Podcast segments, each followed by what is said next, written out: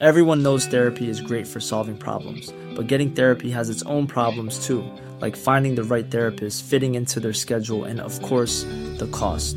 Well, BetterHelp can solve those problems. It's totally online and built around your schedule. It's surprisingly affordable too. Connect with a credentialed therapist by phone, video, or online chat, all from the comfort of your home. Visit betterhelp.com to learn more and save 10% on your first month.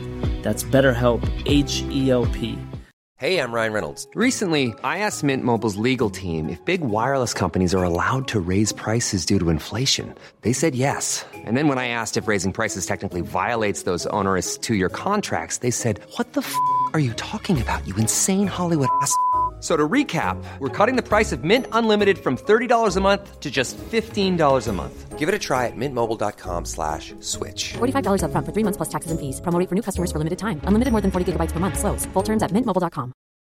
Millions of people have lost weight with personalized plans from Noom, like Evan, who can't stand salads and still lost 50 pounds. Salads, generally, for most people, are the easy button, right? For me, that wasn't an option. I never really was a salad guy. That's just not who I am. But Noom worked for me. Get your personalized plan today at Noom.com. Real Noom user compensated to provide their story. In four weeks, the typical Noom user can expect to lose one to two pounds per week. Individual results may vary.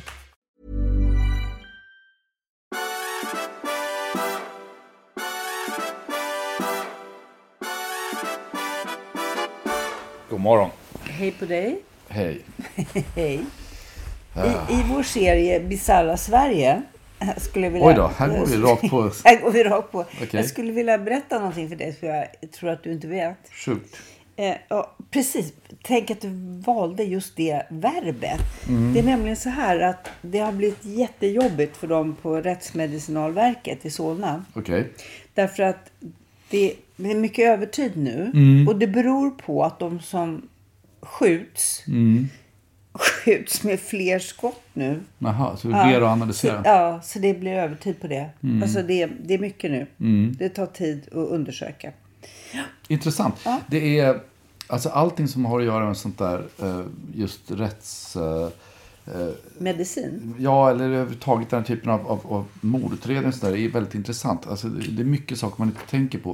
Det var någon som berättade för mig för något år sedan att eh, skurkar eh, gick till, till frisörer och samlade ihop påsar med hår.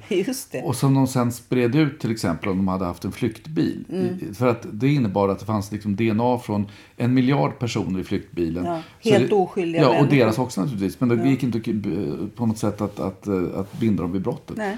Det är mycket sådana smarta grejer, det är eller dumma saker som är. Det är Ja. mycket praktiskt helt enkelt. Det är mycket med det där med att skjuta. Mm. Ja, just det. Och klara sig. Mm, så är det. Ja, så är det också. Sen, sen i exempel två Du sitter då. med en massa utskrivna Ja. papper här. Det här är som en föreläsning. Det här är lite som ett, eh, ett, eh, ett pågående brott. Men, Okej. mot, mot dig kanske. Mot men, mänskligheten. Nej, men alltså Bizarra Sverige del två Okej. denna vecka. Vet du, vet du om det här? Det vet jag inte, bib- du har sagt. Nej, precis. Bibliotek, de lånar inte bara ut böcker. Nej. Nu kan man också låna biljetter till fotbollsmatcher. På Eh, biblioteket. Ja, alltså, nu tänker jag så här. Men, Men om- vad betyder låna? Ja, låna. Läm- hur lämnar man tillbaka den där fotbollsmatchen när man har sett den? Nej, man, man får låna ett årskort. Fast det är ju fortfarande konstigt. Ja. Men det beror på att fotbollslag har skänkt tio årskort. Ja, Eh, Det är då eh, BK Häcken ja. Vilket, vars namn jag alltid tyckte varit så roligt. Göteborg. Götlaborg. Götlaborg. Fast då kan jag tycka att det är rätt bra. Alltså om, om, om, det så, om kommunen skulle ha köpt årskort och delat ut, då skulle jag tycka det var konstigt. Men om en fotbollslag skänker det, det är väl rätt Nu, bra? varför ska vi stoppa där? Nu kan man väl, jag tycker man borde kunna få låna kläder till exempel. Ja, men det är väl okej. bibliotek. Men det är väl okej om, om H&M skänker kläderna. Ja, men var, okej? varför ska man använda biblioteken till det?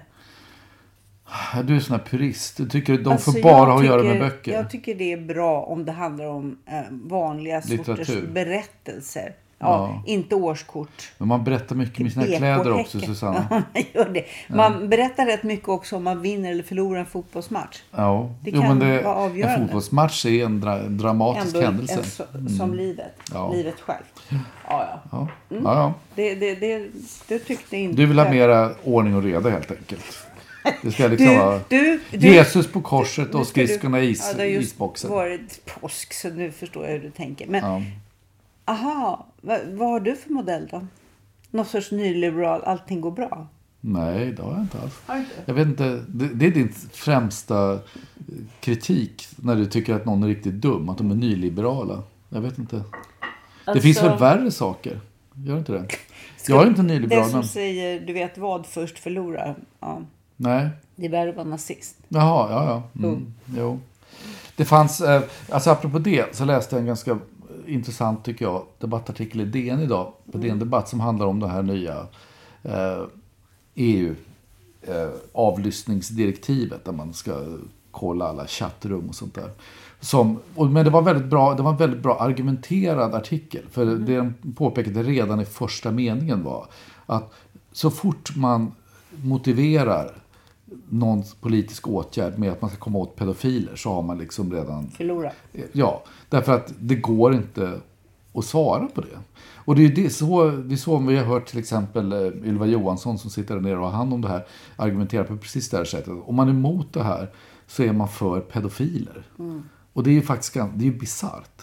Alltså jag, är inte, jag, är inte, jag kan inte säga påstå att jag är... Jag har inte en jättestark åsikt om själva det här eh, Ja, vad handlar det om? direktivet? Ja, alltså det är ganska komplicerat. Men det handlar ju om att man ska övervaka, eh, övervaka chattrum och sådär. Och vad som försiggår där och vad som sägs där. Och för att kunna, ja, med motiveringen att man ska kunna stoppa. Eh, och jag, jag menar, det här är en sån här fråga som alltid, såna här frågor är alltid komplicerade. Därför att å ena sidan så har man ju naturligtvis den personliga integriteten och å andra sidan har man ju ett legitimt intresse av att stoppa illegala saker. Och jag, jag är inte så mycket, jag, jag tycker liksom den är naiv den här idén att så fort någonting är på nätet så ska det liksom vara helt fritt. Eh, menar, så är det inte på gatan, så är det inte någonstans. Det, man har polisiär närvaro, eller man borde ha åtminstone, eh, på alla möjliga ställen. Så det finns ju ingen anledning att man inte ska ha det även på nätet. Men, eh, och jag, men jag är inte menar, det, här, är- det här är en sån här bedömningsfråga. Vad är rimligt och vad är orimligt? Jag lutar väl liksom åt att det här direktivet är, det är too much. Och framför allt eh, just på grund av, det är verkligen det här jag reagerar på, den här typen av argumentation. Vi måste göra det här för att stoppa pedofilin. Och då känner man, tar man till det argumentet, då har man ett problem. Ett svagt case, tycker du? Ja, ett svagt case. Det är liksom, man, kan inte, man kan inte argumentera på det sättet med någon trovärdighet. Det går inte att göra tycker jag. Det, det är liksom, men som sagt, jag, jag, jag skulle inte säga att man inte behöver någon typ av övervakning på det här sättet. Man kanske behöver en annan typ av övervakning. Man kanske behöver eh, omformulera det här förslaget på något annat sätt. Så här. Men, men just det här sättet att argumentera gör mig knottrig. Det, det, det är ungefär som den som har rent mjöl i påsen har liksom ingenting att oroa sig för. Vilket ju är också ett otroligt obehagligt sätt att argumentera. Ja, men du är för någon typ av kontroll? Nej, men ja, fast det är inte det som är min poäng. Min poäng är att man ska inte argumentera så här. Nej. Skit i det, gör inte det. Skit. Sluta genast. Det var, det, var, det var dåligt. Jag eh, själv har haft en upplevelse den här veckan som inte utgår från det debatt. Nej. utan eh, faktiskt ut... Det sa du ungefär som det var något negativt i att jag läser DN överhuvudtaget. Nej, men det här är någonting som jag upplevde på SVT i Okej. deras arkiv. Nämligen... jag Upplevde på ja, SVT, Titta, ja. titta, titta, det tyckte du var dåligt. Ja. Uppleva någonting på SVT. Jag tittade på ett avsnitt av Här har du ditt liv. Ja. Från 1985. Mm. Det är alltså två timmar och 15 minuter långt. Jag, det, det är länge, tycker jag. Och det var den som var Mm. Det är huvudpersonen. nästan 40 var, år sedan. Du är medveten om det? Ja, Ja. Mm. och det är det jag tänkte komma till. Var Sven Stolpe. Och han var då 80 år gammal. Mm. Otroligt pigg. Men just när jag tänker på det här hur du liksom vill att man ska välja rätt argument för att kunna övervaka vad som händer på nätet. Då kände jag att 1985, det var inte ens en fråga då. Man kan tycka att det är ganska nära i tid. Det är inte, liksom, det är inte 20-talet. Utan det är ändå ja, det är 40 år sedan. Det är inte en evighet sedan. Men vilken helt annan värld det var. Vilken helt annan värld där till exempel då Lasse Holmqvist som då var lite sådär onödigt dryg. Det finns någonting hos en del såna SVT-profiler då i alla fall som jag har sett. Ja, skåning framförallt. Det var Ja, därför han, han var dryg. han, var liksom, han, han visste på något sätt hur man skulle prata om och med Sven Stolpe. Men vad intressanta gäster det kom in där. Vilka människor som liksom kunde någonting, hade gjort någonting, tyckte någonting. Och sen Stolpe som nu har framställts som en, en humorbefriad neurotiker. Ondskan personifierad. Och ond. Han var riktigt rolig. Alltså, Ja, det klart han var. Ja, och han, var, han kunde ta alla de här överraskningarna för att han lurades ju in, det skulle man göra, Mm. i programmet. Man skulle inte fatta att man skulle vara med där. Och hans enda kommentar när han förstod att han skulle liksom vara i direktsändning för Mm. hela svenska folket var "Ja, jag har ju bara den här kostymen, sa han. Mm. Och, och liksom, sen tog han det helt och hållet med fattning pratade mycket och eh, bland annat om såna där bisarra saker som att han blev beskylld för att vara nazist, när vi nu pratar om saker och ting. Fast han faktiskt hade skrivit precis det motsatta. Eh, Men, men någon- Brunsmetad som det till och med Ja, någon, någon bestämt sig för att han, han nog ändå var nazist. Så att då, då fick han eh, försvara sig mot det. Mm. Men det fanns en ganska intressant historia, nämligen en förklaring. Det var så här, det fanns en annan svensk stolpe, det här är helt osannolikt, som bodde på samma gata som han gjorde. Nej. Jo. Och det sjuka var att den här personen... Det här låter ju påhittat. Ja, nej. Ja, jag tror inte att det var det. Nej. Eh, det var 1985. Det var liksom inte så Det var innan man hittade på saker. Man Han- talade fortfarande sanning. Ja, det fanns ingen anledning att hålla på och larva sig. Nej. Sven Stolpe berättade hur den här andra Sven Stolpe brukade få böcker sända till sig. Okej. Och den här eh, andra Sven Stolpe var liksom lite mer mörkblå än vad... Ja, Ja. det är ju ingen som tror på. Men, men han var det. Så han brukade säga till Stolpe, eh, den riktiga Sven Stolpe, att det här är dina, eh, dina vänsterböcker. Och så skickade han över dem. Alltså, tänk dig själv, han gjorde det faktiskt. Han Mm. gav honom de här böckerna för han förstod att de inte var till Sven Stolpe 2. Det jag gillar är, är att du säger den riktiga Sven Stolpe. Det ganska, måste vara ganska jobbigt att vara den falske Sven Ja, Stolpe. Sven Stolpe två. Alltid vara den svans, falske Sven Stolpe. Ja, jag, tycker det är. Eller, ja. mm. Och vem vet att Sven Stolpe skrev fem eller sex filmmanus? Det är ingen som tror. Alla tror att han har bara snöat in på den heliga Birgitta och inte... Mm. Jag har läst och hans drottning romaner. Mm, säg, berätta. Ja, det var ett tag sedan. Men, men jag var ganska intresserad av Sven Stolpe för sådär en 20 år sedan, 25 år sedan. Och då plöjde jag igenom de flesta av hans romaner. Sakrament och sådär. Och de, eh, jag tyckte de var, de var intressanta. De har ju liksom alltid en... De har alla en, en religiös botten. Eh, han rörde sig ju liksom i den här tiden när det skedde en slags religiös väckelse bland eh, kulturpersonligheter.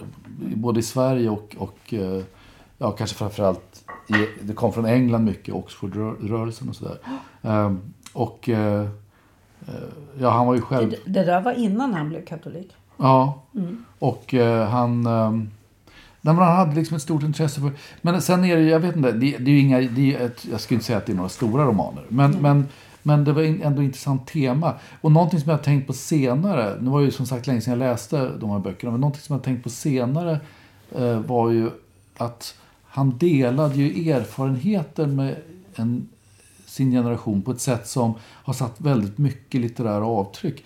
Jag menar till exempel, till exempel tuberkulos. Just det, Eh. han var väldigt sjuk som ung. Ja, och det här kan man ju till exempel...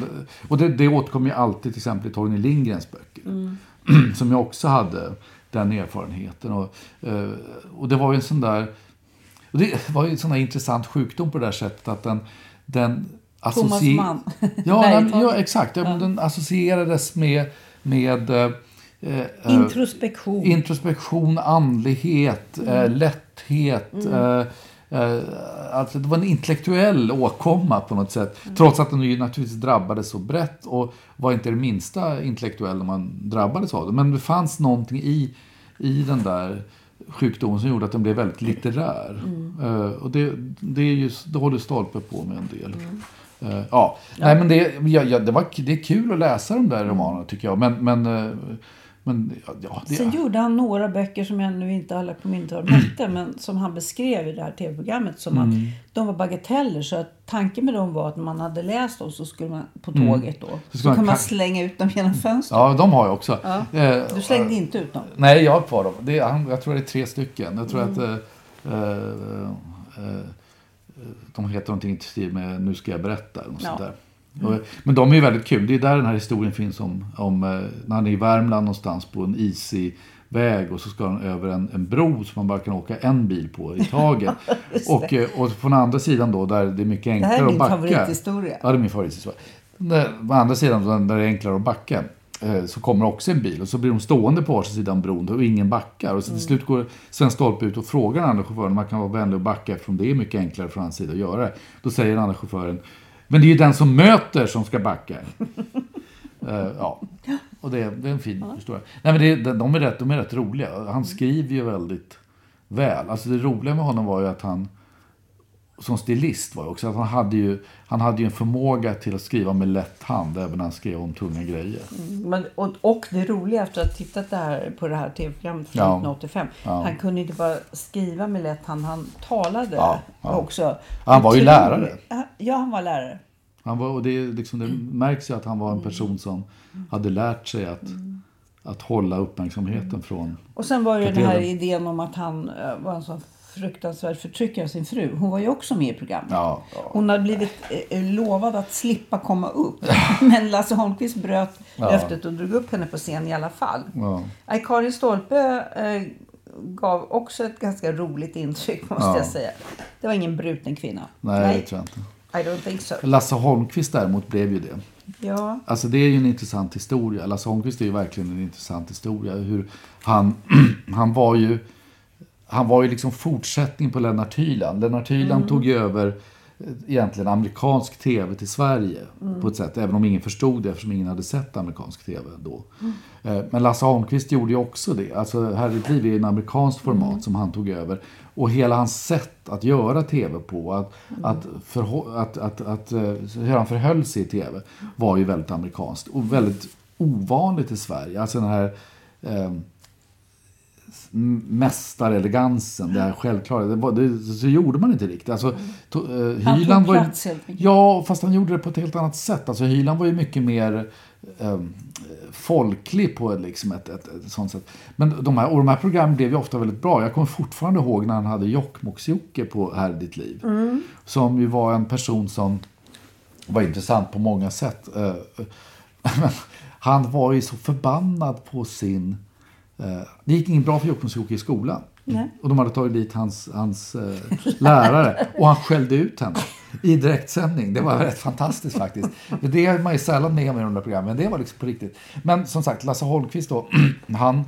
Eh, han började ju då, när, när tv började bli friare, så, så startade han någonting som var väl Öresundskanalen eller något sånt där, tror jag den hette.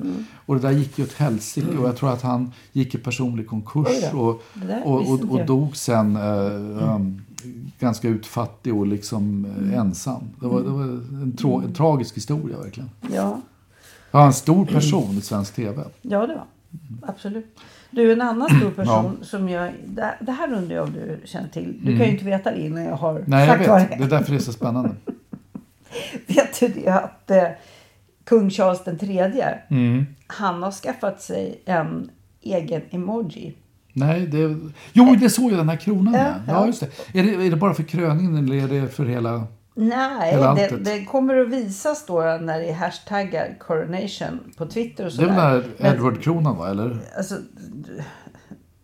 det, ja, just det. Den är baserad på Sankt Edwards Ja, krona. just det. Eh, nej, men den här, det, det är klart man kan ju inte lansera den och sen så låta den försvinna. Så det är Nej, klart det att den kommer att finnas där. Det är lite roligt för att det, det finns en krona, en emoji-krona, Mm. som man kan använda. Men den är alltså en hertigkrona. Ja, den är ju liksom öppen. Ja, visst, och det här kommer vara en kungakrona, sluten. Så jag, jag tycker det är ganska roligt ändå. Mm. Jag tycker det verkar som att ehm, eh, kung Charles Ja. är väldigt estetiskt medveten om vad han gör. Ja, det är han ju. Han är extremt noga. Han är, han är ju en stor estet. Ja. Det är han ju. Så Och eh, man, får, man får tänka hela tiden. Man, man, man vill säga prins Charles fortfarande, eller hur? Ja, man måste ju Man stoppa måste sig. tänka efter. Ja. Och nu heter det drottning Camilla också. Hon får heta drottning nu. Ja, inte bara... det. Inte bara konsult. Nej. Nej. Vet vad jag läste idag då? Nej. I New York Times. Hur ska jag kunna veta det? Nej, precis. Det var en retorisk fråga. Eh, I New York Times. De, hade, de hade en stor artikel. Eh, eh, de har skrivit om det här ett par dagar. Om att eh, borgmästaren i New York har utsett en ny, som det heter, råttsar. Alltså någon som har ansvar för att, eh, för att eh, hantera råttproblemet i New York City. Okej. Och eh, det kan jag säga, råttproblemet i New York City, det är inte att leka det, med. det vill man inte ha. Idag i New York Times så har de en ganska lång artikel, som de flesta artiklar i New York Times, eh, med just eh, historier om eh, råttproblemet och hur- liksom hur, man, hur råttor kommer upp i toaletten eller hur råttor helt ogenerat springer över fötterna när man sitter i tunnelbanan. Och råttan i pizzan och alltihop. Nej, inte råttan i pizzan, men däremot en råtta som släpar ner en pizzabit i tunnelbanan för trapporna helt ogenerat mellan pendlare. Ja. Eller hur de, eh, eh, man försöker starta en, en bil och det går inte. Så när man öppnar motorhuven så är den full av råttor som har dött där. Eh, Det är, liksom, det är verkligen ett, ett, ett jätteproblem. Och jag- men det, hon heter Kathleen Corradi som är den nya råttsaren. Eh, eh, the first, New York City's first ever director of rodent mitigation. Det är bra.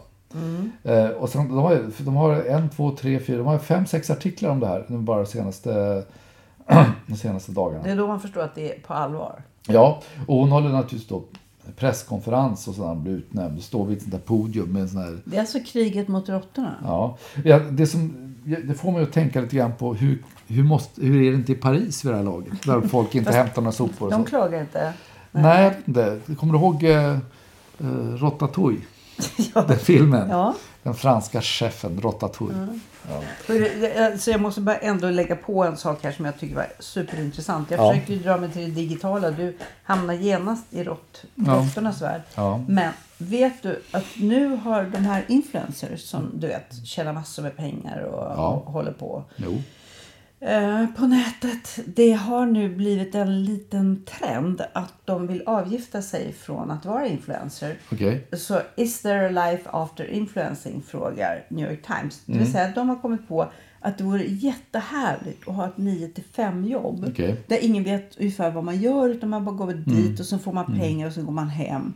Och det är helt enkelt ett, ett vanligt kneg. Mm. För man vill inte vara så här stor och inflytelserik och tjäna så himla mycket pengar. Mm. Vad gör alla okända människor hela dagen? Det är så jättejobbigt att vara det.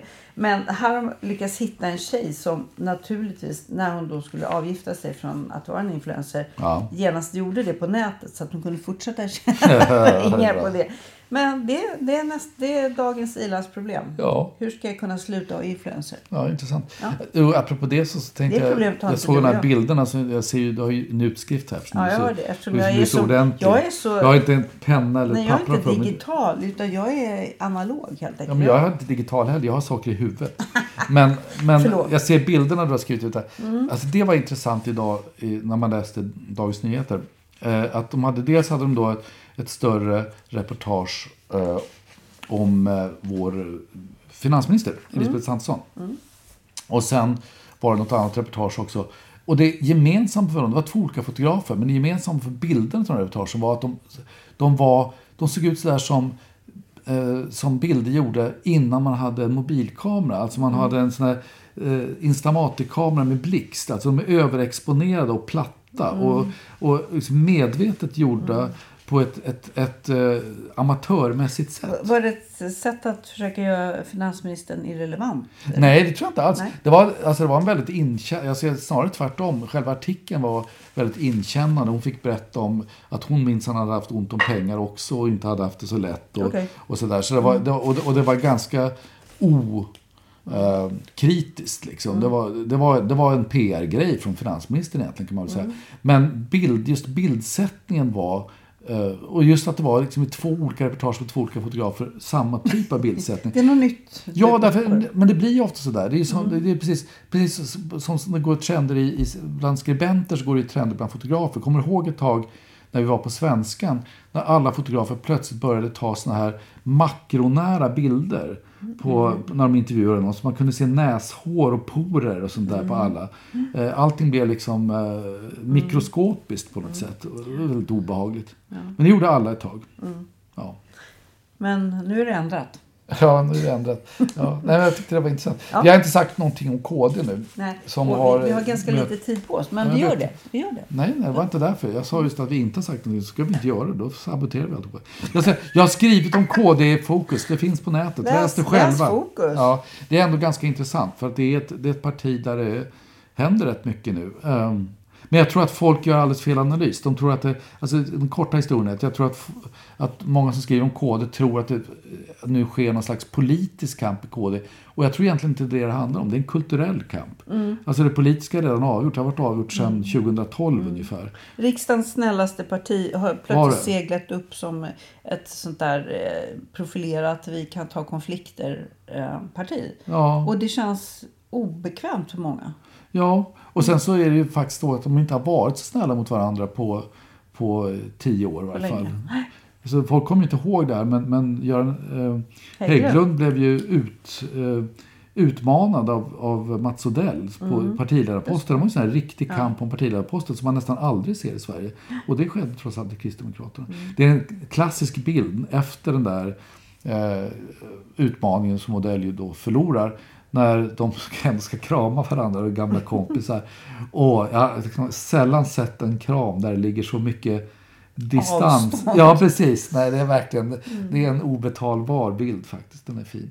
Ja, ja. Men ni kan läsa själva. Någonting får ni göra själva. Vi kan inte hålla på och mata er med allting. Ni får anstränga er lite. Skärp er. Skärp er, läs någonting. Hör, Gör, av er, hör av er när ni gör har läst någonting av också. era liv. Ja, och berätta vad ni tycker. Ja, exakt. Gör det. Nu skiter vi i det här. Ja, hej då. Hej.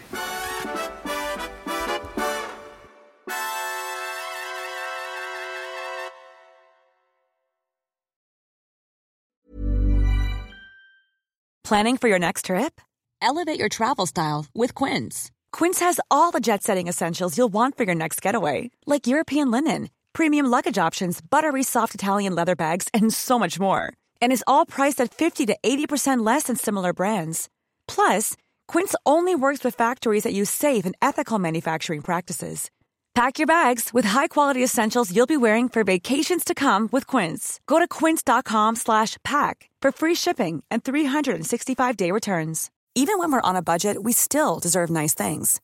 Quince is a place to scoop up stunning high-end goods for 50 to 80% less than similar brands. They have buttery soft cashmere sweaters starting at $50, luxurious Italian leather bags, and so much more. Plus, Quince only works with factories that use safe, ethical, and responsible manufacturing. Get the high-end goods you'll love without the high price tag with Quince. Go to quince.com slash style for free shipping and 365-day returns.